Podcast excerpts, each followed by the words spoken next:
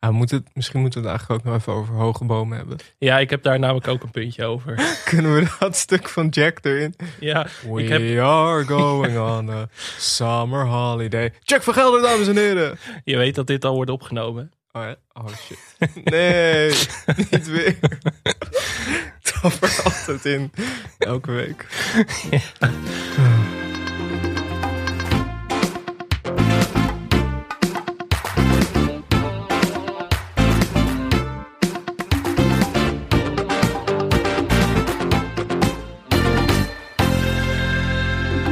Welkom bij Televisium, de podcast over Nederlandse televisieprogramma's.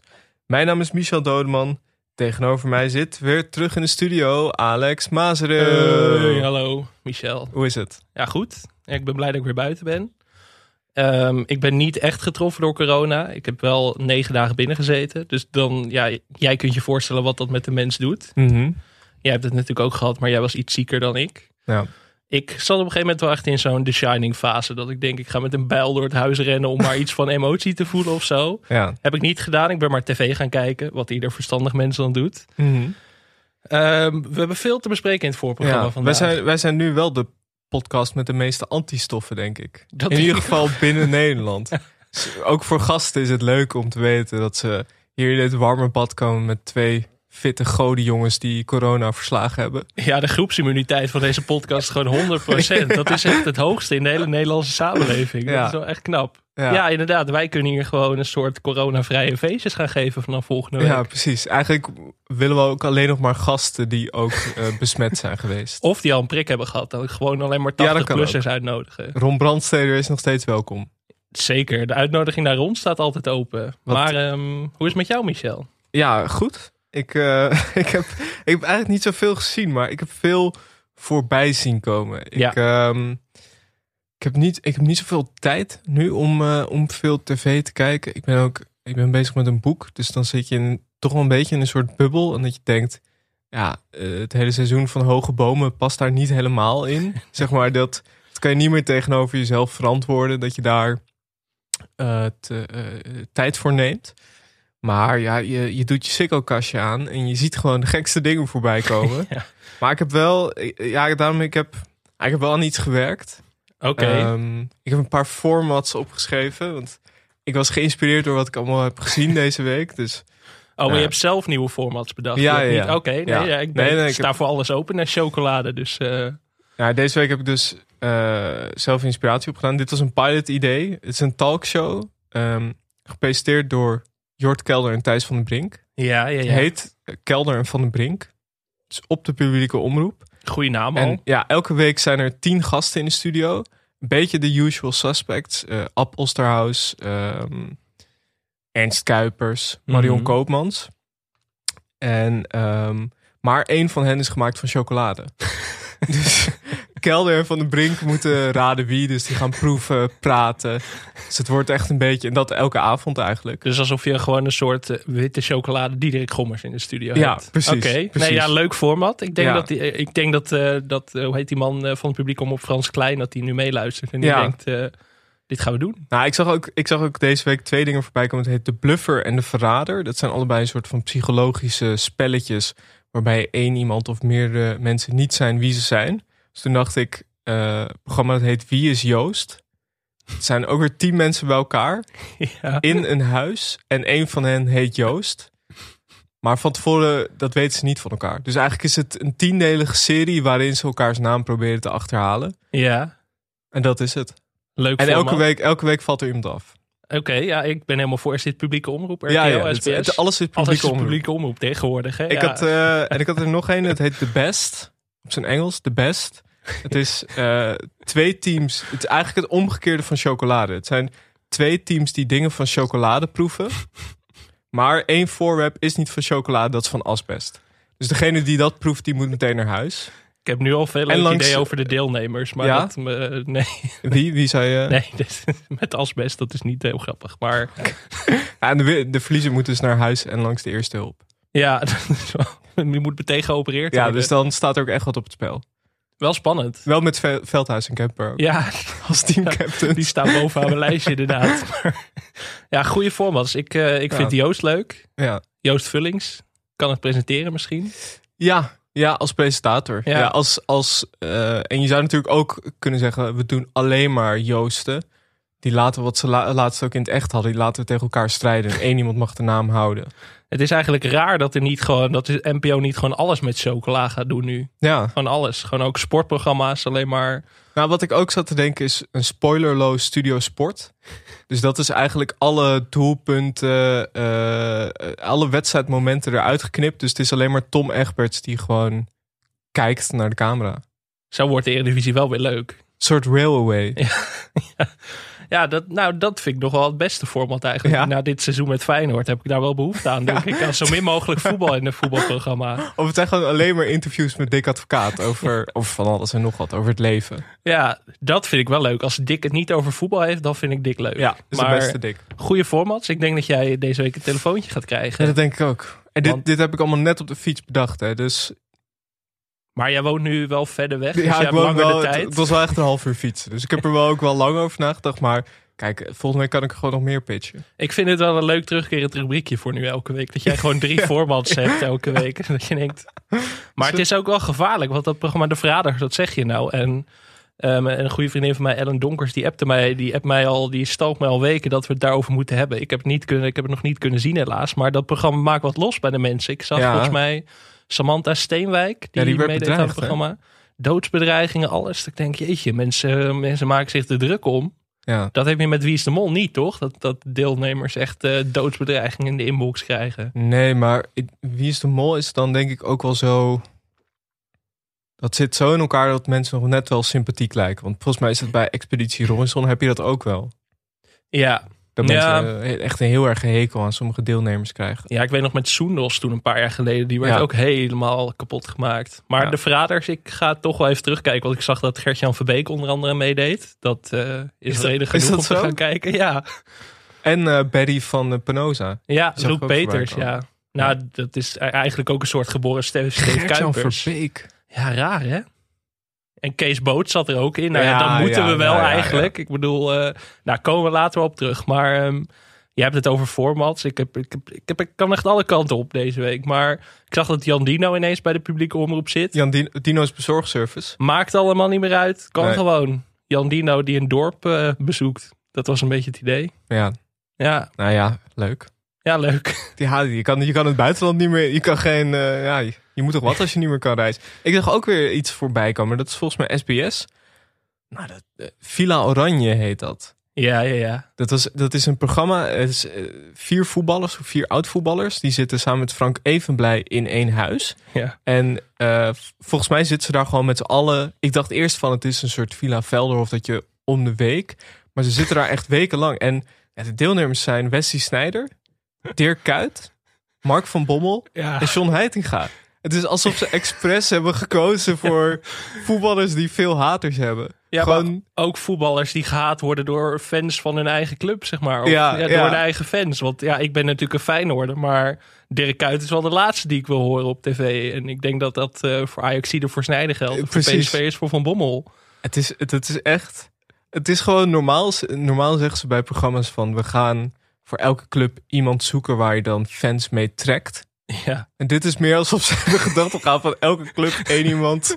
Misschien kunnen ze ook een internationale editie maken met eh Toyphone, eh Goudelje, dat soort Ja. spelers. ja, of dit is nou gewoon een programma dat ze denken... we mikken een keer op een heel andere doelgroep. De, de Heracles supporters of zo. Dat die ook een keer iets leuks hebben. Dat ze denken, nou, niet per se veel emoties bij die groep voetballers. Ik ben wel echt heel benieuwd. Ik vind Frank Evenblij altijd wel leuk. En, maar Ja. het voelt echt als een soort... Je hebt ehm, in Amerika heb je van die TikTokkers die met elkaar in een huis zitten. Het heet dan zo'n content house. En dan maken ze, gaan ze de hele dag alleen maar video's maken. En, en content creëren. En zo voelt het ook een beetje als je vier oud voetballers in een huis. Dat is een Ja. soort van, ja, ik weet niet wat ze moeten creëren, maar... Ik vind het eigenlijk jammer. Ik hoop dat er nog ergens een gastrolletje voor John de Wolf in zit. Die, is eigenlijk, die, die moet altijd in dit soort Ja. programma's. Ja, John is toch een beetje de Steve Kuipers van tv. zeker.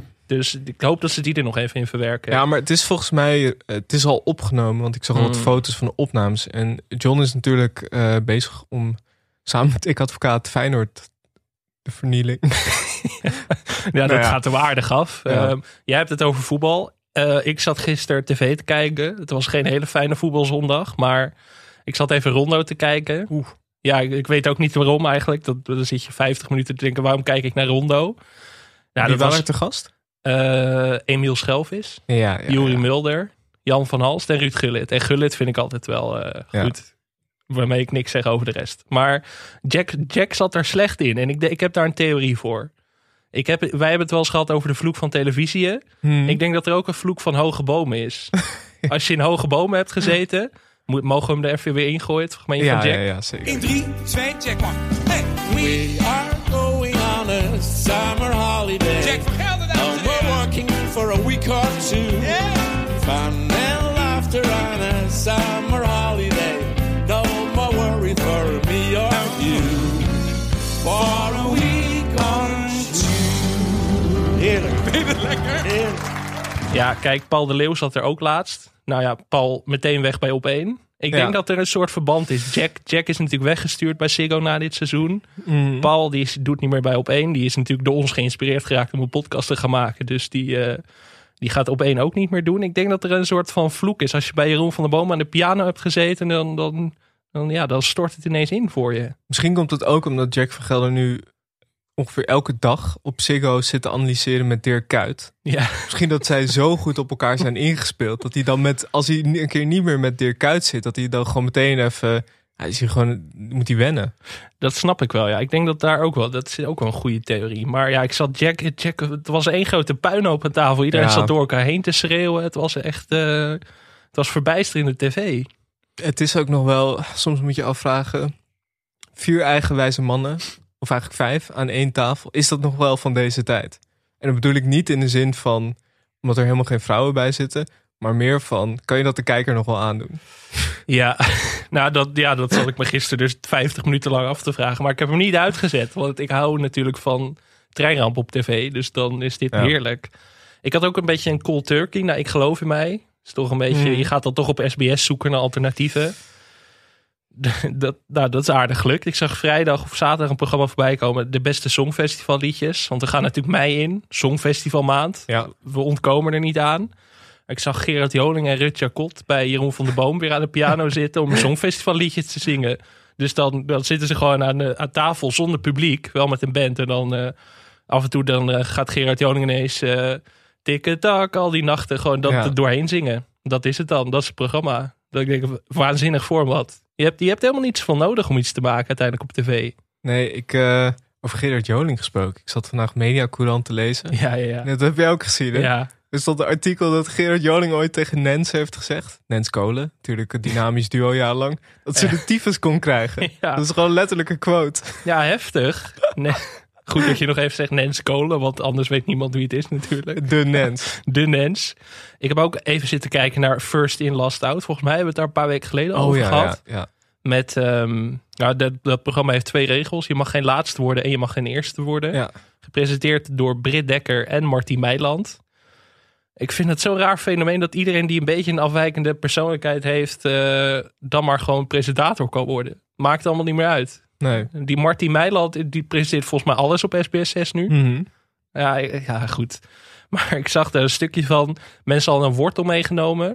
En die mocht dus niet de zwaarste wortel zijn of de lichtste wortel. De mensen die dat wel hadden, die, die, eh, ja, die gingen eraf.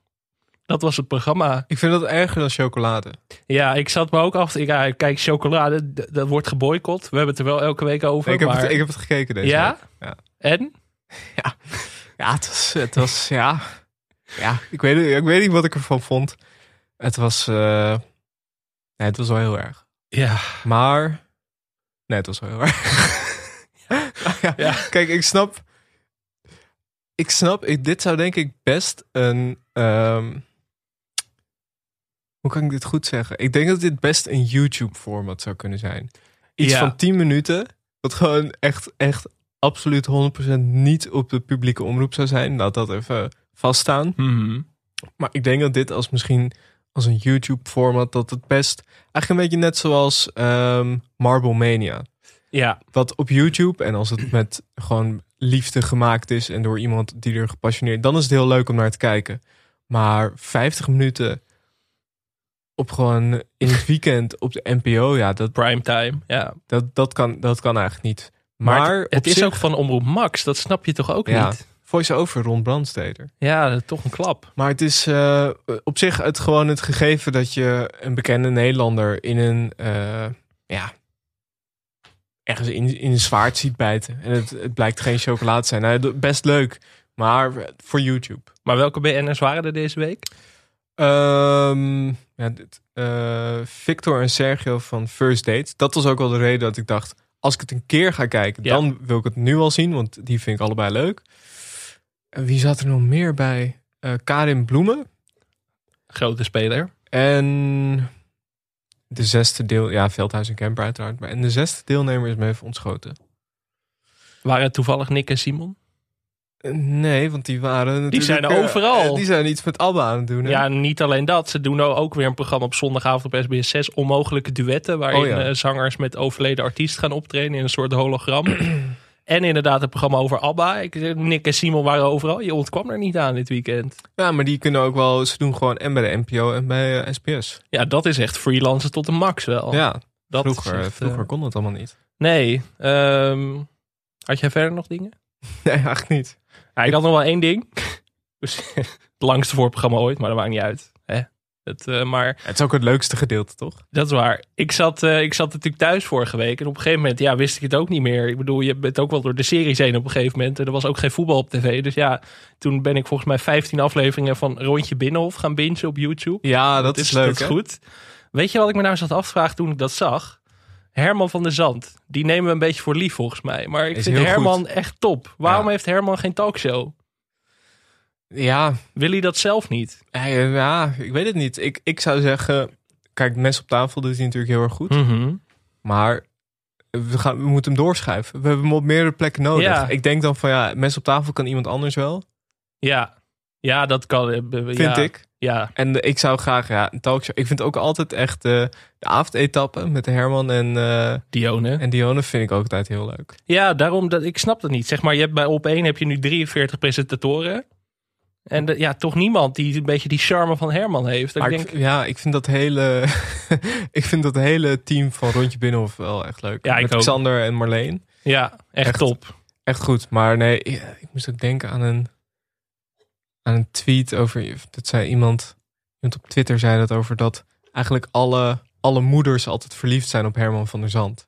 En ik vind dat we dat toch wel bij een late night talkshow, dat vind ik wel een vereiste.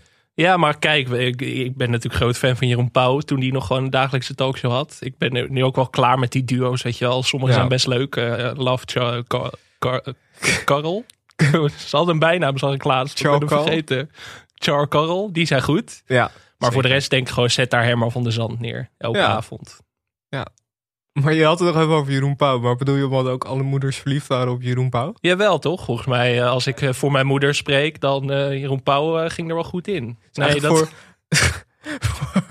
voor, sorry, dat kwam er heel erg naar uit. voor- Maar dus voor mannelijke presentators eigenlijk van een bepaalde leeftijd is eigenlijk gewoon de enige vereiste. Alle moeders moeten verliefd op hem zijn. ja. Ja, maar kijk, je mag ook daar best wel een beetje... Je, je kunt het ook afwisselen. Merel Westrik, die mis ik ook. Die vond ik ook heel goed. Maar die is ook weer verdwenen naar net 5 en die zien we ook nooit meer. Dat is echt zonde. Ja, ik denk laat die twee het gewoon afwisselen. Dat zou top zijn. Ik weet niet wie dat was. Sorry, stond iemand voor het raam. Eh, Oké, we hebben het nu al bijna 20 minuten het voorprogramma. Laat lekker zitten die aflevering van ja, vandaag. het is, misschien, het is misschien ook omdat we een beetje proberen ehm, Ja. weg te schuiven wat we vandaag gaan bespreken. We gaan het hebben, kijk, de laatste tijd hebben we best wel wat bekendere programma's. eh, tracks, eh Mokromafia, ook wat recentere dingen. Ja, deze, volgens mij kwam jij hiermee. Deze is wel echt uit de krochten van Dailymotion voor de poorten van de hel Ja. weggesleept. Nog net voordat hij Ja, ik wilde weer even terug wordt. naar de begindagen van onze podcast. Kijk, kijk wij reizen natuurlijk door het land televisie. Mhm. En dan eh, de laatste weken zijn we een beetje Amsterdam, Utrecht, Den Haag geweest. Maar ik denk, je, je hebt soms ook gewoon een Lelystad of een Charleroi nodig, weet je wel. Je moet ook een beetje de lelijke plekjes van het land ontdekken. Nou, dat is gelukt deze week. Ja, dit is ehm, een industriestad in eh, Moldavië. Dat, nou ja, ik weet, Sorry voor alle luisteraars uit Moldavië. Ik bedoel, Ik, ik eh, moet zeggen, Ja, nee, sorry. Het is oneerlijk naar Moldavië. Ik ben nooit in Moldavië geweest. Nee, ik kan er helemaal niet. niks. Het is veiliger om België te nemen, inderdaad, zoals jij. Lelystad. Lelystad kan ook. Oké, Nee, Lelystad is prima. Ik, ik, wil- we hebben heel veel luisteraars in Flevoland. ja, dat is waar. Ehm zie ze vliegen.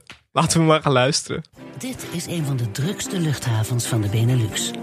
Jaarlijks maken meer dan 3 miljoen passagiers gebruik van dit vliegveld. Zes maanden lang hebben onze camera's de mensen gevolgd die hier werken. Van het personeel bij de incheckbalie En dan gaat de reis naartoe? Bangkok. Bangkok, ja, ouwe snoepert. Zo, nou eens even kijken dan. tot het cabinepersoneel op 10.000 meter hoogte. Kip of kalkoen? Kip of kalkoen? Wat is de vegetarische optie? Kip. Kip of kalkoen? We volgen zelfs de eigenaren van de vliegtuigmaatschappijen. Toiletten? Voor toiletten is gewoon te weinig plek in het vliegtuig, hè? Als het maar een uurtje vliegen is, of twee, naar Rome of Parijs. Hou het. Dus ga lekker zitten, maak je riemen vast en zie ze vliegen. Zie ze vliegen is een Nederlandse comedyserie met onder andere Carlo Boshart, Irene Moors, Chantal Jansen en Gordon. De voice-over wordt gedaan door Vivian Boelen.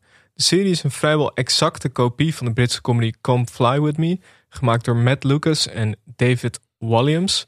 De eerste aflevering van Zie ze vliegen is uitgezonden in 2011 op RTL 4 en daar gaan we het dus vandaag over hebben. Zie ze vliegen. Ehm, het is een mockumentary uit, eh, uit 2011 en het is dus gebaseerd op Come Fly With Me. Het gaat eigenlijk over, een, het is eigenlijk een nepdocumentaire over een luchthaven. Je hebt daar drie verschillende luchtvaartmaatschappijen. eh, goedkoop Air, Fly Limburg geloof ik en eh, KLN. De eerste twee zijn low budget eh, vliegtuigmaatschappijen. De, de derde is een soort KLM, maar dan een N in plaats van een M. Ja, Nou ja, ja daar is lang over nagedacht. daar is flink wat redactiewerk overheen gegaan. En het is dus eigenlijk ehm, eh, vrijwel exacte vertaling. En ook qua, qua personages is dat ook een vertaling. ja, Nou, dat was hem voor Ja, vandaag. dat. Eh, leuk tot dat je volgende luistert. week. Nee. Nou ja, Nee. ehm, Waarom hebben wij dit gekeken? Ik stel de vraag idee. eigenlijk aan mezelf nu. Ja. Ja. nee, kijk. Hoe kwamen we? We zaten, we hebben het een paar weken geleden natuurlijk over Married at First Sight gehad. Ja. Gepresenteerd door Carlo Boshart. Toen was ik eventjes wat aan het eh, googlen naar Carlo. Ik bedoel, eh, Love Carlo. En toen kwam ik dit tegen en toen dacht ik ineens... Ja, dit was een jaar of tien geleden of zo. Ik kan me dit nog Mhm. herinneren. En ik dacht van... What the fuck? Wat, wat, hè? Wat, wat is dit weer voor een rare curiositeit in de tv-geschiedenis? Toen dacht ik, daar moeten we het een keer over hebben. Dat was voordat ik het programma gezien had. Ja. Maar kijk, als je eenmaal besloten hebt dat je het gaat bespreken, dan, dan moet je het ook doen. Maar misschien moeten we even de hele aflevering door gaan nemen met alle plot en personages. Ik moet zeggen, ik kon me dit wel nog herinneren. Omdat eh, er in de derde aflevering een paar scènes in zitten waarin Astrid Joost de kaal is. Ja. En sindsdien, eh, dat associeer ik gewoon altijd met Astrid Joost. Altijd als ik Astrid Joost op tv zie, denk ik, oh ja, zij was ooit kaal. En ik dacht dat het voor de tv-kantine was. Maar het was dus voor Zie ze vliegen. En daar was toen de verhaallijn was dat zij er pruik was kwijtgeraakt in, eh, in het vliegtuig. Ik vind het wel heel leuk dat ze dat gedaan heeft. Ja, Astrid Joost is wel duidelijk de MVP van dit programma.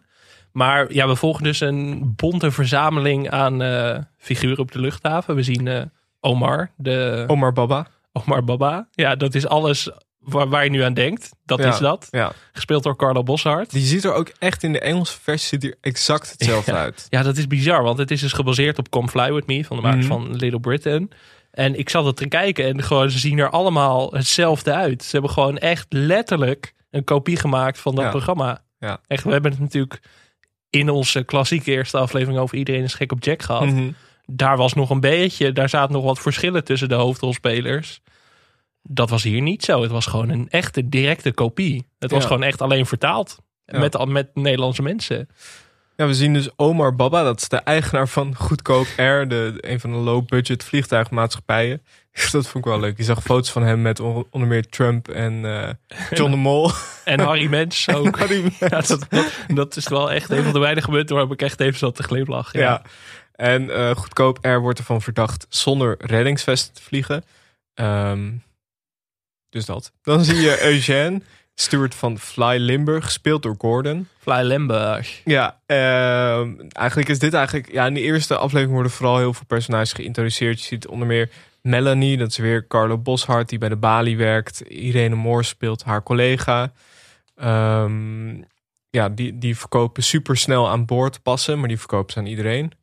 Ja, en dan krijg je dus grapjes als... eh, ja, vorige week is er een ouder iemand platgedrukt en... eh, ja, we vonden alleen nog een linkerschoen, een halve zool. Dat, is een beetje, dat zijn Ja. een beetje de grapjes Ja. die gemaakt worden. Ja. Ja. En we zagen Chantal Jansen als douanebeambte Anja Posma. Die is handtastelijk bij het fouilleren en blijkt er uiteindelijk niet te werken.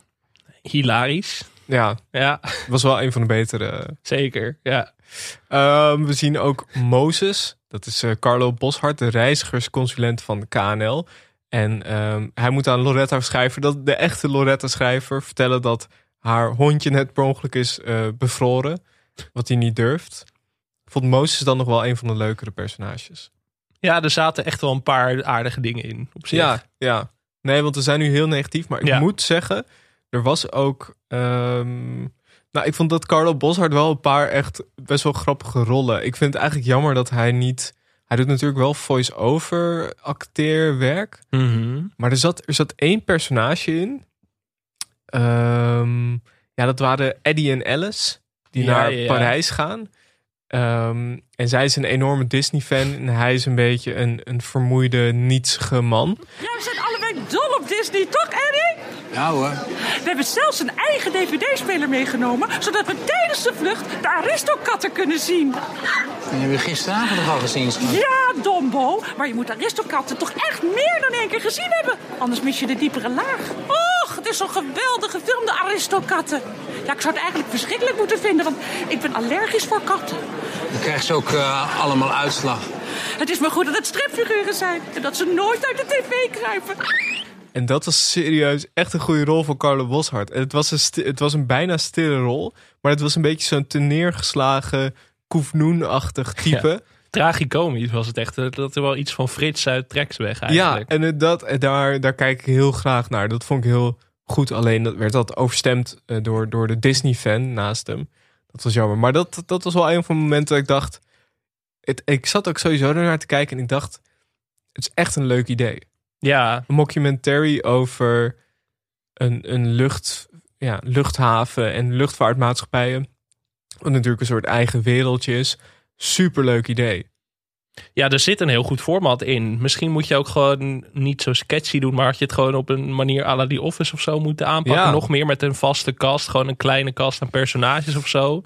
Misschien met iets meer acteurs dan BN'ers. Ja, de- en gewoon niet met, met zulke typetjes. Niet met zulke, met zoveel make-up. Zo en- uitvergroot. Dat was zonde. Want inderdaad, die, dat Carlo Boshart personage was nog best aardig. Maar daar tegenover staan tien, tien zo groot en Ja. groots. En mimiek echt heel overdreven. En Ja, zoals, zoals de vliegtuigenpaparazzi Jaap en Tony. eh, Carlo en Irene. Die, eh, nou ja, ook de grap zie je al van een kilometer aankopen. Eh, ze moeten een foto maken van Esme Denters. Ook wel echt. Zegt iets over de tijd, hè? Ja. Esme Denters. die was ik echt helemaal vergeten. Ik heb jou de heer. en die, die, ze moet een foto van haar maken en ze loopt langs en ze missen haar. Ja. Dat zijn een beetje de grapjes die hier gemaakt joke. worden. Ja, hilariteit alom. En Dus dat, dat zijn een beetje. Ook, we zagen ook, eh, vond ik wel leuk, Kim van Koten Ja, als eh, Bali-medewerkster Ellen. Maar dat is dus ook iemand die niet echt een. Niet zo uitvergroot. En dan Nee, wordt het dat- meteen zoveel interessanter om naar te kijken. Nee, dat is wat ik bedoel inderdaad. Dat je misschien beter met dat soort acteurs had kunnen werken. Dat je een soort missie aarde, maar dan op dat vliegveld had kunnen maken. Weet je wel? Gewoon Ja. een kleine verzameling. Maar dit is een soort van mix van de tv-kantine met Britse typetjes. En Little Mhm. Britain in de blender gegooid. En dat lekker, lekker flink aangedikt eruit gesmeten of Ja. zo. Ja, het is. eh, volgens mij noemde Carlo Boshart dit een cadeautje. Omdat eh, de tv-kantine kantine het goed had gedaan. Ze hadden toen ook eh, de televisiering gewonnen. Dus dit was eigenlijk volgens mij een soort geste van RTL. Er is Ja. uiteindelijk ook maar één seizoen van gemaakt. Zes afleveringen. Ik weet niet of de bedoeling... Maar van Come Fly With Me is er natuurlijk ook één seizoen. Ook maar zes afleveringen gemaakt. Maar ja, goed, ze hadden dit natuurlijk... Misschien, eh, ik had het wel interessant gevonden om te zien wat er was, wat er was gebeurd als ze verder waren gegaan. Ja, met eigen scripts of zo. Ja, want de kijkcijfers waren niet dramatisch. Nee, daar, dat was ook een reden om dit programma wel te bespreken. Want dat hebben we vaker gedaan. Dat we ons afvragen van waarom is dit programma gemaakt? Maar dan kijk je naar de kijkcijfers en dan zie je 1,1, 1,19 miljoen kijkers voor de eerste Ja, aflevering. ja. Toen dacht ik, oké, eerste aflevering, weet je, dat is nieuwsgierigheid. Tweede aflevering 1,24 miljoen kijkers. Gewoon meer. Dat is gewoon toegenomen. Ja, Toen dacht ik, ja, dan is dit toch, dit heeft blijkbaar een snaar geraakt bij mensen. Dat Ja. is het toch dat, eh, dat Gerry en Jan voor de tv zaten in Zundert en dachten, ja, dit vind ik grappig. ja. Nee, er waren ook best wel positieve reacties. Ja, Maar ja, andere tijd. Geen Ja. Videoland, geen Netflix, geen Amazon Prime. We waren blij met alles wat ons... eh, waren blij dat er überhaupt tv was. maar ja, ik zag ook op, in, in reactie op die kijkcijfers, zag ik een reactie van zender, toenmalig zenderbaas Erland Galjaard. Eh, ja, ja, ja. eh, de, de kop was al heel goed. RTL 4 dolblij met vliegende start van Zie ze vliegen. Nou, hilariteit alom wederom. Mhm. Maar toen zei Erland Gooijaard...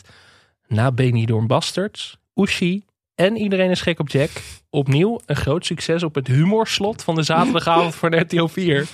Toen, toen dacht ik Benidorm Bastards, dat was ik ook weer helemaal vergeten. Maar dat was ook een heel ding toen ineens. Dat was ook zo Ja. van, hè, Ja. what the fuck? En Oeshi, daar kom je nu ook niet meer mee weg, denk Nee. ik. Maar dat was ook zo'n raar fenomeen toen. Ja, en het door ons geliefde gek op Jack natuurlijk ook een groot Het succes. humorslot, dat is wel echt... God. Ja, ik hoop dat ze dat weer terug gaan brengen. Want dat zou voor ons een Ja, goudmijn ja, ja. zijn natuurlijk. Het Dus eh, humorslot. ik hoop dat ze het humorslot weer nieuw leven inblazen. Ja, nou goed, we zagen dus ook onder meer grondpersoneel Samir, gespeeld door Gordon. Ik zeg voor jou. Als die chicas me in deze wagen zien, vinden ze me zo gruwelijk, jongen. Als vliegen op kush-kush, die chicks. Ha. Je weet toch, jongen. En daar wil ik het liever niet lang over hebben, want het was met een accentje. En eh, nee, nope, nope, nope. Nee, we zijn geen cancel Not culture there. podcast. Maar ja, de- nee, nee. Snel door naar Ingrid Voet, chef vreemdelingenpolitie, gespeeld door Irene Mors. Had het idee dat ze een beetje was geïnspireerd op eh, Rita Verdonk? Ja, absoluut. Dat is echt mijn eerste aantekening. Was, dit is sowieso Rita Verdonk. Dat was ook... Ja, Nee, het was al wel een paar jaar na die machtsstrijd met Mark Rutte toen, volgens mij. Ja. Maar je herkende wel duidelijk het seksloze imago van Rita Verdonk erin. ja. Eh, zij kreeg een passagier met een vervalst paspoort die langskwam. Het was een volwassen man met een paspoort van een klein meisje. Wederom Hilariteit alom. Ja. Eh, daarna zagen we Carlo als Priscilla van de koffiekiosk. Daar wil ik het ook niet over hebben, Nee, want die was nee. donker gesminkt. Nee, daar gaan we het niet over Nope. hebben. Nee, Nope. Tien jaar geleden kon allemaal nog. Kon allemaal nog. kon toen ook al niet. Kon toen waarschijnlijk inderdaad ook al niet, maar toen wisten we dat nog niet. Ehm, en we zien weer Moses met Chantal Jansen als Hetty Wolf. Een 92-jarige passagier die voor het eerst vliegt. Vond ik ook wel een interessant personage. Was een beetje too much, maar er zat wel wat in. Ja, ik dacht dus dat het Nina Brink was. Hoe heet zij? Nina Brink Storms? Die hele rijke vrouw? Nee, die, die speelde aan. zichzelf toch? Ja, later. Maar dat was in mijn herinnering door elkaar gaan lopen. Dus ik dacht eerst Dat toen is- zij het was... Oh ja, dat is zij. Maar het toen... is ook wel voor het eerst in de geschiedenis dat iemand Chantal Jansen en Nina Storms slash Nina elkaar Brink door elkaar haalt. Ja, toen ging ik ook googlen en toen dacht ik van... Nee, dit is een, een gevalletje last in memory. Maar dat, Ja. ja. ja, dat was nog wel aardig. Maar dit begon ook wel leuk, omdat ze eh, tegen de camera zei van mijn, eh, mijn zoon is arts. Dat, dat was het gewoon. Gewoon alleen het zo mijn zoon is arts. Ja. Dacht ik, oh ja, dat, die mensen heb je. Die mensen Ja, als je heel goed in de randjes keek... zat er soms wel een grappig programma in. Je moet heel goed kijken. Ja, maar dat is ook wel... Nou ja, is dat, is dat ook wel gewoon omdat je de tv-kantine... Ik kijk het niet super vaak, maar er zitten soms ook wel dingen bij waarvan ik denk... Ah, dit is echt goed gedaan. Ja, en daar vond ik bijvoorbeeld Chantal Jansen ook vaak best wel leuk. Ik kan me nog zo'n Allo Allo sketch Ja, herinneren. Ja. maar beetje flauw, maar ik moest daar toen wel om lachen. Dat vond ik best Ja. aardig gedaan. En dat zat er nu af en toe ook wel een beetje tegenaan dat je denkt... Ja, je ziet wel een beetje de tv-kantine invloeden, maar het is gewoon... Kijk, ze zouden het nu natuurlijk ook anders doen. Dat vind ik altijd het moeilijke hieraan. Ja, het is tien jaar geleden, ze zouden dit 100% nu nooit Ja, meer maken. is dat zo? Want als je de tv-kantine, dat heb ik een paar maanden geleden nog gezien. En dat als dat in 2011 gemaakt zou zijn, met dan wel nieuwe personages, dan had ik het ook geloofd, zeg maar. Nou, ja, op zich snap ik wel wat je zegt. Maar aan de andere kant, bij de tv-kantine hebben ze nu zoveel gastacteurs. En ook wel echt goeie, zoals Elise Schapen, ja, Maarten die heeft dat Heijmans. programma wel echt bijna overgenomen. Gewoon wel, natuurlijk. zeg maar, eh, niet alleen maar lowbrow, maar ook highbrow acteurs.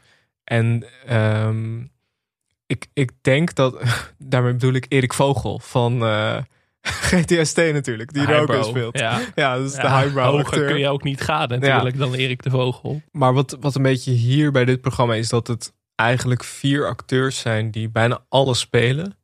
En echt, ik- ik zat de lijst te kijken van personages die Carlo Boshart speelt. Het zijn er echt, het zijn er echt heel veel. Dat is in de tv-kantine natuurlijk ook, maar dan zijn het wel. Ja, het is toch met, met zijn imitatie is het toch anders. En daar, daar het ding met tv-kantine is ook dat hij vrijwel elke imitatie echt goed kan.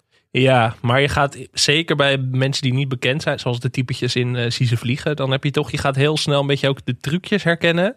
Dat hij heel erg met zijn mimiek zo, een beetje zo, ja, dit kun je niet zien, maar dat hij een beetje zo, eh, Ja. ja. ik kan het Ja. helemaal niet uitleggen, maar dat maakt niet uit. Ehm, je gaat wel een beetje de trucjes herkennen en als de, de humor dan niet zo leuk, ga je extra aandacht leggen op de teksten van het programma. Mm. En dan krijg je allemaal grapjes als het over die 92-jarige Hetty Wolf gaat. Dat die dan zegt, ja, ik ben dol op verhalen uit de oude doos. En dan denk ik, Ja. ja. eh. Nee, klopt. Dat, eh, Maar ja, je gaat eigenlijk ook, zeg maar, toen ik dit programma zat te kijken, je gaat eigenlijk, wat ik wel vaker heb gehad bij programma's die me niet heel goed vielen bij het terugkijken. Je hebt natuurlijk de vijf fasen van rouwverwerking, maar je hebt ook een soort van vijf fasen van de televisieervaring. ja. Je hebt een soort, je begint met een soort nieuwsgierigheid van, oké, wat is dit? Je gaat er optimistisch in. Dat je gaat zitten en je denkt, daar gaan we. Mhm. Dan kom je in de fase van verbijstering. Van hoe is dit gemaakt? Dat komt ongeveer rond minuut 2, 3, denk ik. Ja. Misschien al iets eerder. Nou, het begon nog wel redelijk met een normale voice-over. Je dacht, ja, dit is leuk. Ja. Dan, dan, heb je, dan heb je fase van zelftwijfel. Dat je denkt, misschien is het toch leuk, maar ligt het aan mijn smaak? Ik bedoel, er zijn 1,2 miljoen mensen die Ja. er misschien wel van genoten hebben. Ik bedoel, humor is natuurlijk heel persoonlijk. Ligt, ligt, het aan, ligt het aan mij? Dan kom je in de fase van existentiële mijmeringen. Dat je denkt van ja, ik zit nu 32 minuten naar een programma te kijken. Ik, ik heb dan ook nog vier afleveringen gezien. Ja, denkt, daar, ja. jij zei inderdaad dat je meer afleveringen ging kijken. Toen dacht ik, eh ja, kan het niet. Ik kan het niet. Ik kan hier niet ruim twee uur naar kijken. Dat kan ik niet tegenover mezelf verantwoorden. Ja, en op dat soort momenten denk ik toch van ja, had ik maar wiskunde gestudeerd of zo, dan had ik nu iets zinnigs met mijn leven kunnen doen. Maar dat, ja, dat kan dan ook niet Als je, meer. voor de, als je voor de hemelpoort of de helpoort staat, kan je gewoon niet voor jezelf verantwoorden dat je ruim twee uur naar dit achter elkaar in de Ja, bloei dat- van je leven hebt gekeken. Ja, ik stel me dan inderdaad voor, ik, ik kan me een scène uit het schaap herinneren dat Carrie Tefse overleden was en dat ze aan de hemelpoort komt bij André van Duin Ja, als een soort van eh, Petrus. Ja, en dat, dat ik daar dan sta en dat hij vraagt van, eh, waar ben je nou trots op in je leven? Ja, ik heb een hele leuke podcast gemaakt waarvoor ik hele leuke tv-programma's heb gezien. Ja, en op een gegeven moment kom je dan maar in de fase van opgave en dan denk je, ja, waarom ook niet, weet je wel. Dit is onze legacy. Dit is onze legacy, ja. Als wij overlijden, dan en niet, niet eens op internet waarschijnlijk, maar echt ergens in een, in een hoekje of zo van een wijkkrant. Vergeet de Enkhuizen Courant niet. Ik denk dat die wel echt een, Ja. eh, minstens een pagina 18 naar mij gaan wijden dan. In het wijkkrantje van Amsterdam Zuid staat er dan. Hij maakt ook een podcast en daarvoor keek je naar onder meer iedereen is gek op Jack. Zie ze vliegen, The Passion. Hole in the wall, ja. Ja. Ja, dat, dat had ik een beetje bij deze aflevering. Kijk, we zeiden aan het begin, we gingen iets meer van de mainstream af deze week. Het is ook wel weer louterend. Weet je wel, je gaat Maastricht en Groningen en Utrecht daardoor wel weer extra waarderen. Door dit soort programma's. Klopt. Het, eh, het was lastig. Maar er, er was wel. eh, ik, je gaat ook een beetje googlen natuurlijk naar, ehm, naar reacties op het programma. Weet je, de, je had eh, tien jaar geleden ook nog de klassieke tv-recensenten zoals Jean-Pierre Gele bij de Volkskrant. Mhm. Die een werkelijk vernietigende recensie had geschreven. en ehm, die, zei, die schreef, want het land zou er beroerd aan toe zijn wanneer dit echt massaal leuk gevonden wordt. In essentie weet niemand wat de kijker wil en vindt. De eeuwige optimist in mij zegt dat er een andere verklaring moet zijn voor de rooskleurige kijkcijfers. Kijkcijfers zijn te koop, het regende, de tv stond toevallig aan maar niemand keek. Ze keken voor de lol van het ergeren. Er zijn sinds vorige week meer kijkers van vakantie teruggekeerd die het nu met eigen ogen wilden zien. Dat zie je wel vaker bij ongelukken. Ramptoeristen. Ja, dat, dan zijn wij nog lief, vind ik vandaag, Ja. toch? Ja. En nou ja, Carlo Bossart wordt daar dan weer heel boos over. Die heeft over Jean-Pierre Gele gezegd. Ik wind mij er nog steeds over op, omdat de man zo dom is. Hij is zo dom. Heb je zijn naam al gezegd? Jean-Pierre Gele. Hij is erg dom, haalt de RTL 4 ster uit. Boshart gooit het op ondeskundigheid. Dan lees ik bijvoorbeeld zijn column over Zieze vliegen. En dan zegt hij dat hij de lachband zo slecht vindt. Maar er zat helemaal geen lachband onder. Ja, welk kamp zit jij? Gele of Boshart? Mm, moeilijk. Moeilijk. Kijk, ik vind het ook altijd het liefst wil ik gewoon altijd dat we hier leuke programma's bespreken. Omdat ik het altijd, ik vind het altijd heel ongemakkelijk om tien jaar na dato. eh, kijk, tien jaar geleden was ik 15. Als iemand nu tegen mij zou beginnen over dingen die ik 15 jaar geleden of eh, 10 jaar geleden heb gedaan, ja, kom ik ook niet goed uit. Dus aan de andere kant, die mensen waren toen allemaal in de 40. Dus het is ook niet echt de jeugdzonde. van- Nee. Nee, maar ik vind, het, ik vind het altijd een beetje moeilijk, omdat het dan eh, gauw zuur lijkt. Dus laten we het erop houden dat dit gewoon niet ons ding was. Maar kijk, de, de reacties waren niet eens. Eh, inderdaad, er hebben dus best wel wat mensen. En ik zag echt positieve reacties op internet. Dus er zijn mensen die dat leuk vinden. Ja, en de Dus ligt misschien ook gewoon aan. En precies, de makers zelf vond het ook heel leuk. waren er echt eh, lyrisch over. Ik bedoel, Carlo Bossart noemde het het beste wat hij ooit gemaakt is. Die zei letterlijk tegen de Afrobode... Nu het klaar is, durf ik wel te zeggen dat Sietse Vliegen het allerleukste is dat ik ooit gemaakt heb. Ik denk wel dat ze zelf plezier hebben gehad. Ja, dat zie je er wel Ja, in terug. Dat, dat is ook wel vind waard. ik serieus altijd wel, ehm, altijd wel fijn. Je ziet ook wel vaak inspiratieloze dingen waarvan je denkt... eh, nou, dit vonden ze zelf niet eens leuk. Maar dat... eh, Ja, maar ja, Gordon die ook zei, dit is de kroon op mijn carrière. ja, dat is toch ook wel weer Nou, leuk. Ik bedoel, hij zei van, van de week was Carlo bij mij op eh, Mykonos in Griekenland met de eerste aflevering. Daar had ik een brok van in mijn keel. Zo van, heb ik daar meegedaan? Dus een letterlijke quote Oh, van Gordon. Ik vind het ook wel weer lief. Ja, toen ik dit allemaal las, had ik toch zoiets van, ja, ach, zie ze vliegen. Was- Zo slecht was het ook weer niet. Nee, ik, vond, ik, vind, ik vond ook wel dat er zaten... Kijk, eh, ja, we gaan, je moet, ook weer niet te positief. Nee, ook Nee. niet te positief. Maar er zaten, er zaten best dingen in waarvan ik dacht... Nou, hier zat wel, hier zat wel wat in. Maar het is ook gewoon niet... eh, ja, echt het... Echt het eh, echt het grote sketchen. Dat, ik vind sketchprogramma's altijd wel leuk, maar dan moet het wel een beetje. Ik hou niet zo echt van typetjes of zo. Met Nee, is veel ook niet. pruiken en dingen. En, eh, Nee, ze hinken ook gewoon een beetje op twee gedachten. Want je hebt aan de ene kant, je wil de office zijn, maar je wil ook Koefnoen zijn. En dat, Ja. dat botst een beetje in het programma of zo. En ik vind Koefnoen en de office allebei leuk. Maar wel omdat het twee, je weet een beetje wat je voor, kunt verwachten bij allebei de programma's. En ik had Ja. hier nou echt zoiets van, had er dan maar gewoon een comedy van gemaakt. Had Kim van Koot een vaste rol gegeven. Had, Ja. ja, ja, nou ja, op zich serieuze acteurs. Chantal Jansen, soort van... Gordon zou ik geen acteur noemen, maar ik ben eh, bereid om Gordon veel te vergeven. ja. Maar Ik vind wel echt dat Gordon dit beter of leuker vond dan Geer en Goor over de vloer. Vind ik echt niet kunnen. nee, Want dat vond ik echt leuk. ja, dat, maar ik, ja, ik heb sowieso wel zwak voor Gordon. Ik weet dat Gordon er niet heel goed op staat, Maar maar ik ook wel hoor. ja, altijd als ik Gordon op tv, ja, ik, heel plat en zo, maar ik vind het toch altijd stiekem ook wel weer grappig. En, Ik heb Gordon wel eens gesproken. Echt? In een boekhandel. Wow, in een boekhandel? Nou ja, Gordon had dus een boek. Ja, ja, ja, die biografie. Ja, en Ja. Hij, wa- die, die was hij aan het signeren in de ACO. Maar ik Ja. was helemaal, ik was gewoon toevallig in de ACO. Mhm. Die was helemaal aan het einde. Dus iedereen was al een beetje weg en zo. En hij zat er nog. En toen eh, heb ik met Gordon gepraat. Maar wat was je Dat was, heel, dat was heel aardig. Wat was je openingszin? Ja, geen idee. Het was echt, eh, het was echt meer dan tien jaar geleden. We hebben denk ik ook echt drie zinnen gewisseld. Ja, dat is toch wel iets wat je op je cv kunt zetten hoor. Dus- dat is toch wel nice. Ja, ik durf ook niet te kritisch te zijn op Gordon. want, Nee, maar eh, ik ben ook echt onironisch. Ik vind Gordon eigenlijk best wel een leuke man. Ik kan daar niks aan doen. Ja, Ja, nee, dat kan. Ik Dat weet kan. niet. Ik, als ik zou kiezen, moeten kiezen tussen Geer en Goor, ga ik altijd voor Gordon. Ja? Oh, dat heb ik nog niet. Nee, ik dat- ben ook wel... Gerard Joling bij Hoge Bomen laatst. Dat was echt goed. Dat was echt heel goed. Maar ik heb, ik heb die aflevering dan toevallig helaas moeten missen. Ik zal hem terugkijken, ik beloof het. Maar wat, wat, waar ging het? Nou, wat, wat ik leuk vond is dat het ging over zijn succes in het buitenland. Volgens mij was dat in de jaren tachtig of zo. Dat hij heel Ticket to populair the was. Tropics en zo. Ja, dat hij heel populair was in Azië. En hij had daar hele goede anekdotes en zo allemaal over. Ah. En ik las dus ook over dat zijn collega's over hem zeiden... Hij huilt nooit op tv. Eigenlijk elke, elke ster van zijn kaliber... Want Gerard Joling is natuurlijk echt heel bekend. En die Mhm. is wel echt ongeveer elke avond ergens op tv. Alle sterren van zijn kaliber die, hebben, die huilen wel eens op tv. Ja. Maar hij niet.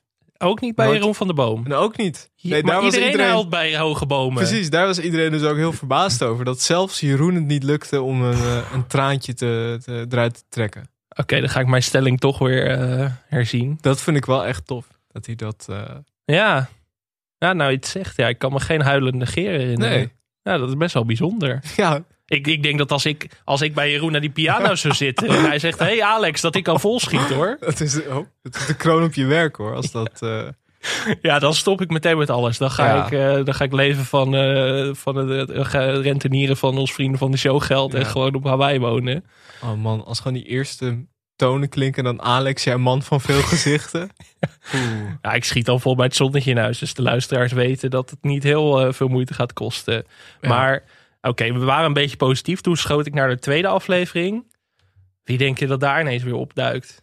Ja, oh nee, ik weet het. Dikke Robin van Persie. ja, Tel ja, eh, ook een soort rode draad in onze podcast. Denk je eigenlijk van die man af te zijn, dan duikt die weer op in het programma. Als, eh, als Jordi, steward van Fly Limburg.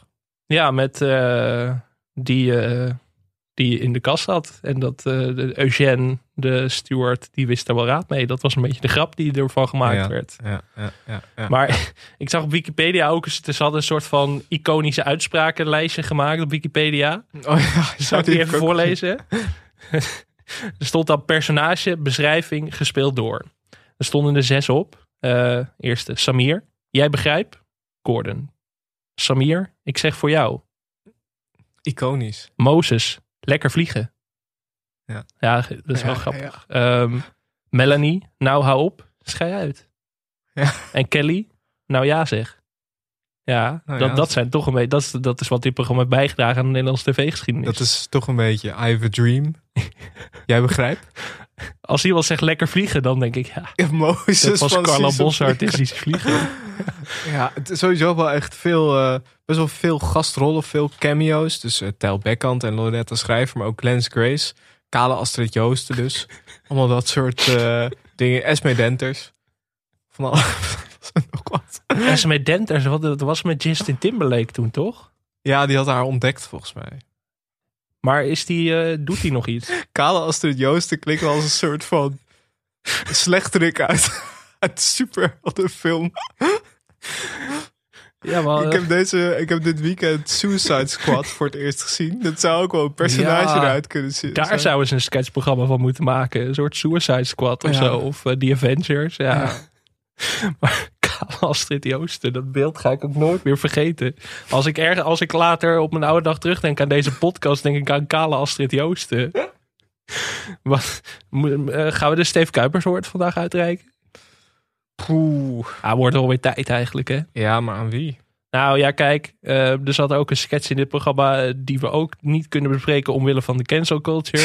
Laten we het houden op Japanse meisjes die 1300 Oh ja. kilometer hebben gevlogen om Barto Braat te zien. Ja, Barto Braat. Ja, dat vind ik wel een goeie. Barto Braat is ook wel een gedroomde Steve Kuipers. Ja. Jullie denken nu Barto Braat, wie de fuck is Barto Braat? Dan heb je je feitjes niet op orde. Barto Braat is fucking Jeff Alberts. Dat Ja. zouden jullie allemaal moeten weten. En hij speelde in, toch in de clip van Leef van ja. André Hazes. En dat, GR. ja, dat maakt hem de gedroomde winnaar van de Steve Kuipers hoor. Ja. Barto Braat, gefeliciteerd. Ja, verdiend na een roem, eh, roemrijke carrière is dit wel de kroon op je werk, denk ik. Ja. ja. Nou ja, dit was een beetje Sies Vliegen. Ehm, ik wilde dus kijken naar... Ik dacht, ik ga vergelijken met Come Fly With Me. Ja, die ja. is dus verwijderd van de BBC iPlayer en van Netflix. Omdat er eh, dingen in staan die nu niet zo goed meer vallen. Waar wij het niet over gaan hebben. Nee, dat is beter, beter van eh, niet. Maar het, dat ging dus om eh, stereotyperingen, eh, blackface, dat soort dingen. En eh, dat, zat, dat zat ook in, ehm in Zies Vliegen. Nee, het is En, gewoon beter. Kijk. da- daarom staat het ook niet op Videoland of zo. Nee, ja, je kunt heel makkelijk zeggen, ja, dit kan echt niet meer. Dat kan ook echt niet meer. Maar ja, het is gewoon, de intentie was ook gewoon niet zo goed, denk ik. Je kunt nog zeggen van, satire moet een doel dienen, maar dat, dat kon ik er niet aan ontdekken. Dus laten we daar gewoon verder niet over hebben, denk ik. Nee, dat, eh, daarmee dekken we de lading wel een beetje. En eh, Maar in, ja, verder, dit programma, heeft dit ooit eh, de tand des tijds gehad? nee. Altijd het in 2011 al? Nee. Ik kan me ook niet meer herinneren. Ik heb er hier wel naar gekeken. Waarschijnlijk thuis met mijn moeder of zo. Maar verder herinneringen. Ja, Kale Astrid Joosten zat nog Ja. ergens in een achterkamertje van mijn geheugen. Maar Ja, nee, verder heb ik het ook niet echt. Ja. Dit, was wel, dit was wel de tijd van. Eh, er- ik las ergens op internet, zei ze over deze periode. Hilversum heeft het luchtruim ontdekt. Eh, ze hadden dus. Want dat was, dat was ook heel gek. Zie ze vliegen werd dus eh, uitgezonden een paar weken nadat. eh, volgens mij was het de, va- nee, de VPRO Come Fly. With Me had uitgezonden. Dus mensen op RTL 4 zagen precies dezelfde vertaalde grappen een paar weken eh, nadat ze op, ehm, op, eh, op de eh, NPO waren geweest. En je had ook Bright Flight toen die film. Volgens mij werd die toen ook rond die tijd uitgezonden. Dat was die film met eh, Waldemar Torenstra. Ja, dat is geen goede film. Ik heb hem niet gezien. Eh, Nee. hele rare. Ik, ik dacht Bright Flight is dat een Nederlandse film? Ja, vind het altijd zo. Dat ook die serie op RTL T-Force. Dat is gewoon een Nederlandse serie. ja, dat gewoon een scheiding willen noemen of zo. Ja, D- eh, gescheiden. ma- drie mannen. Drie mannen in huis. Vrienden. Nee, maar ik vind het altijd heel verwarrend. Ja, Ik denk, doe dan maar geen titel. gewoon niks. Nee. Gewoon op IMDb gewoon een leeg balkje. Ja. Dan zoeken we wel Waldemar Torenstra en dan vinden we het. maar dat het ook gewoon na elkaar werd uitgezonden. Of zo dicht op elkaar. Dat is ook wel, je had ook gewoon bij Gek op Jack had je dat ook kunnen doen. Gewoon Ja. eerst Everybody Loves Raymond. En dan dezelfde aflevering van Iedereen is Gek op Jack. Dat was wel een leuk, leuk experiment geweest. Nou, Everybody Loves Raymond, dat werd wel echt jarenlang elke dag op eh, RTL 7 uitgezonden. Dus ik sluit niet uit dat het toen ook zo was. dat denk ik wel eigenlijk. Ja. Maar ja, goed, zie ze vliegen. Ehm, nou, er is nooit een vervolg op gekomen. Ik denk niet dat dat gaat komen. Ze hebben de tv-kantine natuurlijk nog steeds, wat volgens mij nog steeds heel succesvol is. ja, zeker. Dat, eh, dat loopt nog steeds goed. Maar ik ben benieuwd eh, of onze luisteraars nog een mening hebben over dit programma. Zal iemand dit gezien hebben van onze, onze mm, duizenden, honderdduizenden luisteraars? Nou, ik, eh, ik weet niet of het Zie ze vliegen publiek. Ik, ja, wie zijn die mensen? Ja, dat zat ik me wel af te vragen. Maar in die tijd hadden we, ik zei het net al, je had geen Netflix, je had geen Videoland. We hadden echt wel een andere standaard toen. ja, daarom zeg maar volgens mij die fase uit onze jeugd van 2008 tot 2013, 14 of zo. Dat is ook wel waar we echt rijkelijk uit kunnen putten altijd met, Mhm. eh, met obscure pareltjes. Nou, er zijn natuurlijk ook wat dingen die we hier besproken hebben, die, waarvan we dachten dat het echt heel leuk zou zijn. Ja. En dat bleek dan echt tegen te vallen. Dus ik denk dat het. Er zullen misschien wel luisteraars zijn die dit gezien hebben. En die denken: hé, hey, maar dat was hartstikke leuk. Ja, En dan ga je terugkijken en dan denk je: oh ja. eh, ja. eh. Ja, ik had echt vooral Kale Astrid Joosten had ik nog. En Nina Brink en Kale Astrid Joosten. Dat waren de dingen waarmee ik aan moest denken bij dit programma. Dus ik ben wel blij dat ik dat even heb Oh, ja. opgehelderd voor mezelf. Astrid Joost was wel goed toen. Ja, Goede rol. toen Astrid Joosten altijd goed. Ja, maar toch, acterende Astrid Joost zie je toch niet veel. Ja, die superheldenfilm met Astrid Joosten, die zie ik nog wel gebeuren. Ja. Heb je verder nog eh, dingen die je wil zeggen over ze vliegen? Het is echt, ik denk dat we nog nooit zo'n kort een programma hebben besproken. Ja, valt wel mee. Ik vind het ook knap dat we weer een half uur hebben volgeluld. Ja, nee, dat is waar. Ik ben ook helemaal een beetje van me. Apropos, eh, hoe sluiten we normaal af? Ah, oh, jij- blokje hebt, eh, nazorg doen we normaal altijd. Oh ja, blokje nazorg. Ja. Want, maar ik vind dat ook weer een beetje... ja, het zijn nog Ze steeds hele grote sterren. gedaan. Ja, Vooral natuurlijk, vooral Gordon en Chantal Jansen. Die hebben altijd wel, die hebben altijd gewoon drie programma's lopen. Wat, hoe, hoe sta jij eh, in- het Chantal Jansen debat? Als er een debat is. Ehm, nou, we hadden het een tijdje geleden over The Voice. Dat ze toen eh, presenteerde met eh, Martijn Krabbe. Ja. Daarvan dacht ik, vond ik een beetje, dat ik dacht... Maar ook bij Martijn, ik dacht, nou, er zit niet echt, zit niet zoveel pit in of zo. Ik vind dat, Nee. ze kan, ja, ze kan het wel, maar dat vind ik niet echt wat voor haar. Maar ik vind die programma's die ze gewoon, zeg maar, eh, zo'n Chantal blijft slapen of zo, dat vind ik allemaal best, eh, dat gewoon prima in zijn genre. Dat is gewoon goed gemaakt, vind ik.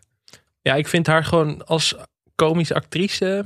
Weet ik niet. Nee. Kees en Co was ook al zo'n beetje net niet. Ik vind haar wel meer presentatrice dan actrice. Nou, ze gaat het Songfestival presenteren, toch? Ook. Ja, dat is wel de ultieme. Met Jan Smit en Etcilia Rombly.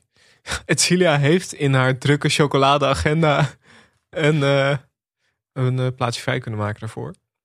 Ja, het lijkt me voor haar beter in ieder geval. Ja. Maar Chantal Jansen speelde ook in Divorce. Ik, ik blijf het raar vinden dat... Sorry, ik wil nog even naar het, naar het Songfestival. Ik blijf het raar vinden dat Jan Smit dat presenteert. Ja. Ja, ik snap dat ook. Gaan wij iets doen met het Songfestival eigenlijk? Ga wij iets doen? ja, verwachten Ja, ik ga meedoen namens? Cyprus. ik heb een nieuw lied gemaakt. Moldavië. ja, gaan wij daar nog aandacht aan besteden? Nou, dat denk ik wel. Wanneer is dat precies? Eh 20 mei. Want we hebben hierna volgens mij nog maar drie afleveringen. En dan gaan wij met welverdiende zomerstop. Die drop je eventjes. We, ja, we zitten al eh, bijna een jaar lang zijn we bezig. We hebben We hebben echt meer. We zitten gemiddeld. Nou ja, jij eigenlijk, dankzij uh, Taxi Talk ook. Maar we zitten gemiddeld op meer dan aflevering per week. Ik heb het idee dat mijn hele leven een podcast is geworden. en alles, zeg maar, als ik niet praat, dat ik dan zeg maar niet meer in, die, in dat universum zit. We hebben straks echt meer dan 60 afleveringen gemaakt. Dus als iemand het waagt om te vragen waarom we even stoppen. Nee, dus we, we, we gaan even met zomerstop. Ja, seizoens. Uh, dus 24 mei is onze seizoensfinale. Uh, en de, de, het Songfestival is? Is van 18 tot en met 22 mei. Dus oh, we kunnen mooi meenemen in de laatste aflevering. Dat is perfect. Ja, want ik wil het daar wel even over hebben. Ik zou, eigenlijk zou ik daar ook wel een keer een special over willen maken. Maar dat komt nu net niet goed uit. Want we hebben over twee weken een hele leuke gast. En we hebben de week daarna hebben we ook iets gepland. Ja, ja we, we kunnen oh, wel even idee. de planning doornemen. Met de ja, goed, volgende week... Uh, we zullen nog niet verklappen wat, maar weer, weer Carlo en Irene komen weer terug volgende ja, week. zeker. Die week daarna kunnen we nog niet helemaal... Nee, uh, gaan maar, we niet zeggen, maar een hele leuke gast. leuke gast. En de slotaflevering, ja, dat wordt wel wat. Maar die, dat kunnen we misschien wel zeggen. Ja, daar kunnen we wel het tipje van de sluier oplichten. Ons idee was, we hebben heel veel um, programma-ideeën van jullie gehad. Dank daarvoor. Maar er zitten ook heel veel programma's bij, waarvan we, die we gewoon niet kunnen vinden. Er zijn, er zijn sommige programma's die, ja, waar we, waarvan we weten dat ze bestaan hebben. Maar er is niet echt een uh, heel fijn archief in Nederland uh, waar, je, waar je in kan struinen en waar je kan zoeken. Nee. Dus dat, en er zijn, maar er zijn gewoon wel programma's waarvan we denken dat is echt leuk om te bespreken. Uh, bijvoorbeeld Holland in de Hoed. Waarvan we dachten, dat willen we een keer bespreken, maar dat is nergens terug te vinden. En het leek ons leuk om in de laatste aflevering een paar van dat soort programma's kort uit te lichten. De verloren kinderen van televisie. Hè? Ja, dus een paar programma's die we aangevraagd hebben gekregen. Um, maar die nergens terug te zien zijn. Dus waar we eigenlijk alleen maar over gaan praten zonder, uh, ja, misschien met een, een kort YouTube filmpje of zo. Ja, daar komen we wel uit. Maar we hebben eigenlijk ook jullie input nodig. Van jullie luisteraars. Mensen die die programma's hebben aangevraagd. Of als je er iets bij hebt. Van laat voor je horen. Weet je, dat kan op elke mogelijke manier. Maar hoe weet je of je iets hebt aangevraagd dat wij willen bespreken? Uh, ja. nee, laat ik het zo formuleren.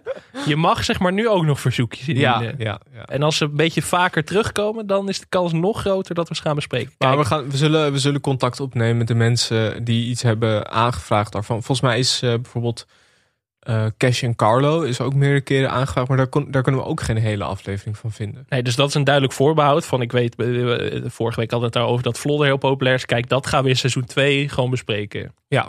Kijk, dat soort programma's, maar ook Baantjes, bijvoorbeeld een populaire, die gaan we ook gewoon, seizoen 2 komt er wel, denk ik, toch? Nou, weet ik niet. En we, hebben, we moeten Gaan nog we opnieuw onderhandelen. contractonderhandelingen Ja, te voeren. Jij bent straks een bestseller-auteur als het goed is. Dus Laten we dat, eh, dat, eh, dat, jij, dat jij niet zeg maar, gevraagd wordt voor een eh, televisieprogramma of zo. Ja, kan het allemaal. niet. Radio weet het 1, Radio 1 presentator. Jong Grijs Groenteman. Je weet het allemaal niet. Maar ehm, dus het moeten programma's zijn die niet of echt nauwelijks terug te zien zijn. Dat is eigenlijk het uitgangspunt. Ja, dus als je zegt, ik heb vorige week op Videoland iets heel leuks gekeken, kunnen jullie daarover hebben? Nee. Nee. Nee, want het moet niet te vinden zijn. Of heel moeilijk te vinden zijn. Ja, en het liefst hebben we ook nog een persoonlijk verhaal van jou erbij als luisteraar. Of van u. Ja. Foefailleren? Of Ja, nee, titoeëren ik weet niet hoe oud onze luisteraars zijn. Nee, maar ik heb een soort leeftijdsgrens. Als ik denk, ja, een beetje de Maarten van Rossum regel. Een beetje ouder dan Maarten van Rossum, dan wordt het u. En ja. jonger dan eh, kan het. Maar eh Maarten van Rossum in deze staat? Of gaat het altijd mee met Maarten van Het gaat mee met Maarten van Rossum voor mij. Oké. Hoe oud is Maarten van Rossum nu? 76 of zo. Oké. Hij is eigenlijk al iets te oud, hè? Het is wel Deze select, regel, ja. ja. ik- het is wel een select groepje. Ik zou eerder zeggen eh, André van Duin. Ja, oké, laten we er bij deze de andere van Duin index van maken dan. Ja. Maar dus laat vooral voor je horen. Zeker. Je hebt nog drie weken. Ja, strenge deadline, huiswerk. Oh, ik word er wel emotioneel naar het einde toe hoor. Ja. Nog maar drie afleveringen. Traantjes? Ja, die laatste aflevering. Als we het dan eindelijk over die programma's kunnen hebben. Ik Ja. weet niet of ik het droog hou. Nee. Ik, eh, ik heb eigenlijk helemaal niks meer te zeggen over Cies Vliegen of zo. Maar ik vind het wel fijn om er hier gewoon nog even te eh, zitten. ja, het is lekker zo. Ja, ik bedoel, dit is ook eh, voor mij wel lekker. Een beetje contact met iemand. Ja, dat je weer... eh, Want vorige week, de vorige, daar hebben we het een beetje over gehad. Maar dat is zo'n surrealistische situatie. Want jij zat met Jasper in de studio. Ja. En ik zat in jouw laptop. Ik kon jullie niet zien. Dus ik zat een soort van vanuit. Ik had het gevoel dat ik in een soort vuilnisbak naar jullie toe zat te jij schreeuwen. kon ons toe. niet zien. Nee, ik kon jullie niet helemaal goed zien, omdat die Oh. microfoons ervoor zaten. Oh ja. En ik liep achter op jullie. Dus het was ook een soort van. dat ik eh, zeg maar ineens dat jullie een gesprek hadden. En dat ik mezelf erheen hoorde schreeuwen. Maar hoe zit dit dan? Ja. Dat was een hele surrealistische ervaring. Dan, eh, dan ga je de studio extra waarderen nog wel. Ja, ook omdat we toen na afloop dus achterkwamen. Kijk, ik was om het, op het lumineuze idee gekomen om microfoon bij de laptop te zetten. En zat ik nog een soort van tof te doen tegen Jasper van... eh, nou, dat heb ik wel echt eh, makkelijk eh, opgelost. Hè. Zo, nou, iedereen staat zo moeilijk te doen met inbellen, maar ik heb het gewoon opgelost. Toen stuurde ik de audiosporen naar jou Nee, en toen was was het niet echt goed. Nee. rotzooi met echo's en het, was niet hoorbaar. En, Het was echt een hele merkwaardige aflevering. Ja. Maar ja, geen, we hebben geen boze brieven gehad. nee, ik Ook ja, geen vrienden van de show erbij. Het is wel even een duidelijke tik op de vingers. Ja. Oh, maar ja, god, ja, dit is toch onderdeel van, het, eh, zeg maar, ook eh, in die pandemie hebben we alleen maar die podcast gemaakt elke keer. Dus het is toch ook een Ja. soort van met elkaar verbonden. Het is ook wel dat ik denk van, eh, nou, als we dan stoppen met die podcast, kunnen we dan weer gewoon op vakantie en zo. Dat is het dan ook wel. over? Misschien, Ja. is dat, misschien is dat wel gewoon het, eh, dat code zwart straks weg is als wij gestopt zijn. Dat het met elkaar te maken heeft. Zou je zien dat als wij terugkomen dat er een nieuwe pandemie uitbreekt. Ja, zo'n mutante versie uit. eh, weet ik Maar ja, nee, we, we zijn er nog drie keer en dan komen we wel weer terug. Dat is wel eh Ja. Maar jij gaat ook nog reizen, toch? Ja, maar dat is nog niet zeker. Dat Oké. hangt allemaal af van de situatie. Ja, wat ik wil net zeggen, hoe gaan we dat dan doen? Zit jij in, eh, zit jij op Bali in het strand? Ben ik mezelf aan het ontdekken op Dan een moet ik bellen van, Alex, zullen we het even over Carlo Bossard hebben? Nee, de podcast gaat altijd voor. Oké. Die belofte wil ik wel doen aan de luisteraar. Dus dan zit jij straks in zo'n hostel. dan zit ik hier in de studio. Zit ik daar met allemaal backpackers, dan, dan moet ik het ineens gaan hebben over eh Sisi Vliegen of eh, alle prachtige programma's die we besproken hebben. Nee, dat komt wel goed. We komen, ja, we komen, komen misschien nog wel met een speciale reeks in de zomer ook nog. Ja. Ja, want het is een beetje in de zomer. eh, zit je ook met vakanties. Ja, Je maar we hebben wel een paar ideetjes eh, Ja. Lopen voor een speciale reeks. Ja. Dus dit is eigenlijk onze redactievergadering. Hebben Ja. wij zo gedaan. Ja. En dan weten jullie ook waar we staan. Dat is ook een beetje transparantie. Ja, we hebben nu een hoofdredacteur bij dag en nacht. Dus het is ook eh, een stukje transparantie naar, eh, naar Arco toe. In plaats van met hem af te spreken, kan hij gewoon even naar deze podcast luisteren. Weet hij waar we staan. Ja, nee, maar dus we weten nog niet precies ehm, wanneer, wanneer we dan weer terugkomen. Dat moeten we even kijken. Nee. een EK, dat wil ik zien. Ja, ik moet precies. een boek af hebben. De sportzomer. Laten we het zo zeggen. Het zou kunnen dat we in de zomer nog een special reeks gaan doen. En dan in het najaar zijn we terug met seizoen 2. Dat is zo. Of eerder, je weet het niet. Of eerder, dat kan ook. Kijk, we weten dat we- niet hoe het gaat. Misschien dat we dan wel echt zeeën van tijd hebben. Ja, ja, het kan ook zomaar zijn dat ik me kapot verveel. Ja. Sluit het niet uit. Dan zit ik op maandag ineens op mijn balkon naar de buren te schreeuwen. Van heb je naar hoge bomen gekeken? Dat, Ja. Ik weet ook niet of mensen daar blij van worden. Nee, misschien krijg ik nog wel een tweede keer corona. Zit Ja. ik weer thuis, heb ik weer niks te doen. Hangt ook van Feyenoord af natuurlijk. Ik bedoel, dit is, ook, dit is toch een soort therapie elke maandag. Ja. Na een zwaar voetbalweekend. En het is natuurlijk ook eh, die Feyenoord documentaire komt eraan. Dus dat moet je misschien ook nog weer, dan nog weer extra ontladen. Ja, ik heb daar op een soort morbide manier wel heel veel zin in. Ik ook. Het was, ik had ook gewoon fijn dat het ook gewoon vierde kunnen worden dit seizoen. En dan gewoon, of derde, weet je wel, dat het wel net oké was, maar niet spannend. En nu is het wel. Het is gewoon één grote clusterfuck. Dat is Het wel leuk. En spannend. En er komt inderdaad nog een eh, potentieel eh, explosieve documentaire. Nou, ik, ik denk eigenlijk dat ze wel de... ze gaan Dick toch niet eh, helemaal kapot maken in zijn documentaire in het jaar dat hij stopt. Hij heeft ook veto volgens mij, dus dat is dan wel. Ah. Maar eh, Jammer. eh, wat zijn we ver uitgeweken in deze podcast Ja. eigenlijk? Dit, eh, Ik weet ook niet waarom. nee, maakt ook niet uit. nou, daar gebeurt hij ook van. Er staan nu mensen voor het raam, de tv valt uit. Ja, nee, die mensen dik ook. Maar wat voor podcast maken die mensen Ja, eigenlijk? Het gaat Ja, echt- dit was misschien wel onze meest existentiële podcast ooit. Ja, Ik heb het idee dat we heel veel levensvragen op tafel hebben kunnen gooien. ja het, is, het was een vragende podcast. Corona heeft dat ook wel in me losgemaakt. Ja. Je gaat alles toch weer extra waarderen in het leven. Zelfs die ze vliegen. Je bent een beetje vragen gaan stellen ook. Ja, aan mezelf ook. Ja, ik had ook niemand anders om mee te praten de Nee. negen dagen lang. Dus dan op een gegeven moment toch van ja, tussen de Barto Braat, braadworsten door, dan zit je toch een beetje te denken van eh, ja, waar doe je het eigenlijk voor? Ja. Nou, hiervoor dus. Ja, Voor de luisteraars. Van Moldavië tot Lelystad. Ik hoop wel echt dat je geen corona meer hebt. Nee, dat is goed. Dat is niet volgende week. Nee, wij hebben een groepsimmuniteit van 100%. Ja, dat is waar. Ik heb nog eens een zelftest gedaan. Hè. Dat was echt... eh omdat jij dat dus ook had gedaan. En bij jou was hij positief. Ja, ja, ja. Dus ik had ook zo'n zelftest gedaan. En eh, ik dacht van hoe ver moet dat eh, stokje nou in Ja, je naar, hè? Nou, als er tranen komen, dan weet je dat je goed zit. Ja, dat was echt niet leuk. Nee, ik heb het dus ook twee keer gedaan. Want ik heb het ook weer gedaan nadat ik zeg maar volgens de GGD weer vrij mocht. Ja. Uit de gevangenis mocht. Toen moest weer dat stokje die neus in. Ja. Oh, en toen Ja. was hij negatief. Nee, positief. Nee, nee, nee hij was negatief. Ja. Nee. Die angst in jouw ogen. Nee, nee, dat was, dat, dat was gelukkig goed. Maar het is wel echt... eh, En wat jij hebt met het zonnetje bij huis, dat heb ik, dat heb ik nu elke keer als ik zo'n zelftest doe. en bij mij achter, ik ben verhuisd en er zit zo'n parkje achter mijn huis. En dat Ja. is echt zo'n bloesempark. Oh ja.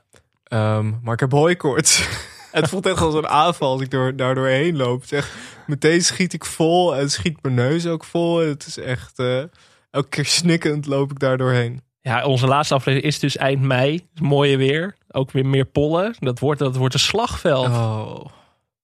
Ja, Kleenex mag bellen voor die laatste aflevering. echt op het tandvlees zijn we allebei corona gehad. Dat is wel echt tandvlees door het seizoen heen. Nou goed, vond je deze podcast leuk? Laat dan een recensie achter op iTunes. Je kan ook vriend van de show worden. Dat kan op vriendvandeshow.nl slash televisiepodcast. Of stuur eens een bericht op eh, Twitter of Instagram, televisiepod. Of mail ons op televisiepodcast.gmail.com. Veel dank aan Dag en Nacht Media, aan Studio Cloak voor de tune en aan Weidse Valkma voor de illustratie. En dank aan de SARS-CoV-2 zelftest, waardoor we hier veilig Die mogen ons ook sponsoren. Ik Ja, wil best een graag. sponsorblokje doen. eh, wil jij ook zeker weten dat je een podcast kunt opnemen deze week? Doe de SARS-CoV-2 zelftest. Alex, ik heb eh, deze week een fantastisch product ontdekt. Het is een zelftest. Ja, ik vind Hoe- het raar dat we nog geen sponsor hebben. Ik ook. Zoveel afleveringen. Ja. Zoveel kanten op. We hebben het echt van Mokkermafia tot René Leblanc tot, tot Carla Boshart en Ast, Kale Astrid Joosten. En niemand die denkt... Eh, Hoe, zou jij dat goed kunnen, zo'n reclamespotje? Soms hoor je het wel eens in podcast en dan hoor je van... je, Er zit ongemak Ja. bij die makers. Ben je op zoek naar een kale Astrid Joosten? Ja. Die hebben wij voor jou. ik zou het wel heel leuk Ja, vinden. wie zou ons ook moeten sponsoren? Eh, Videoland. Ja. Maar dan moeten we dus ook reclame van maken. Ben jij ook benieuwd naar Villa Oranje? Videoland komt niet meer naar deze aflevering. Nou, Nee. over ons geklagen over Villa Oranje. Maar ben jij ook benieuwd naar Villa Oranje? Ja, Neem dan een proefabonnement op Videoland voor 8,99 per maand. dan is het eigenlijk het intro-stuk dat we al hebben, maar dan gesponsord in. Eh, Alex, ik heb een fantastisch eh, nieuw programma gehoord, eh, gezien. Het heet Villa Oranje. Ja, dat zou kunnen. Maar ook gewoon iets heel randoms. Gewoon, ik slaap nu toch lekker, Michel?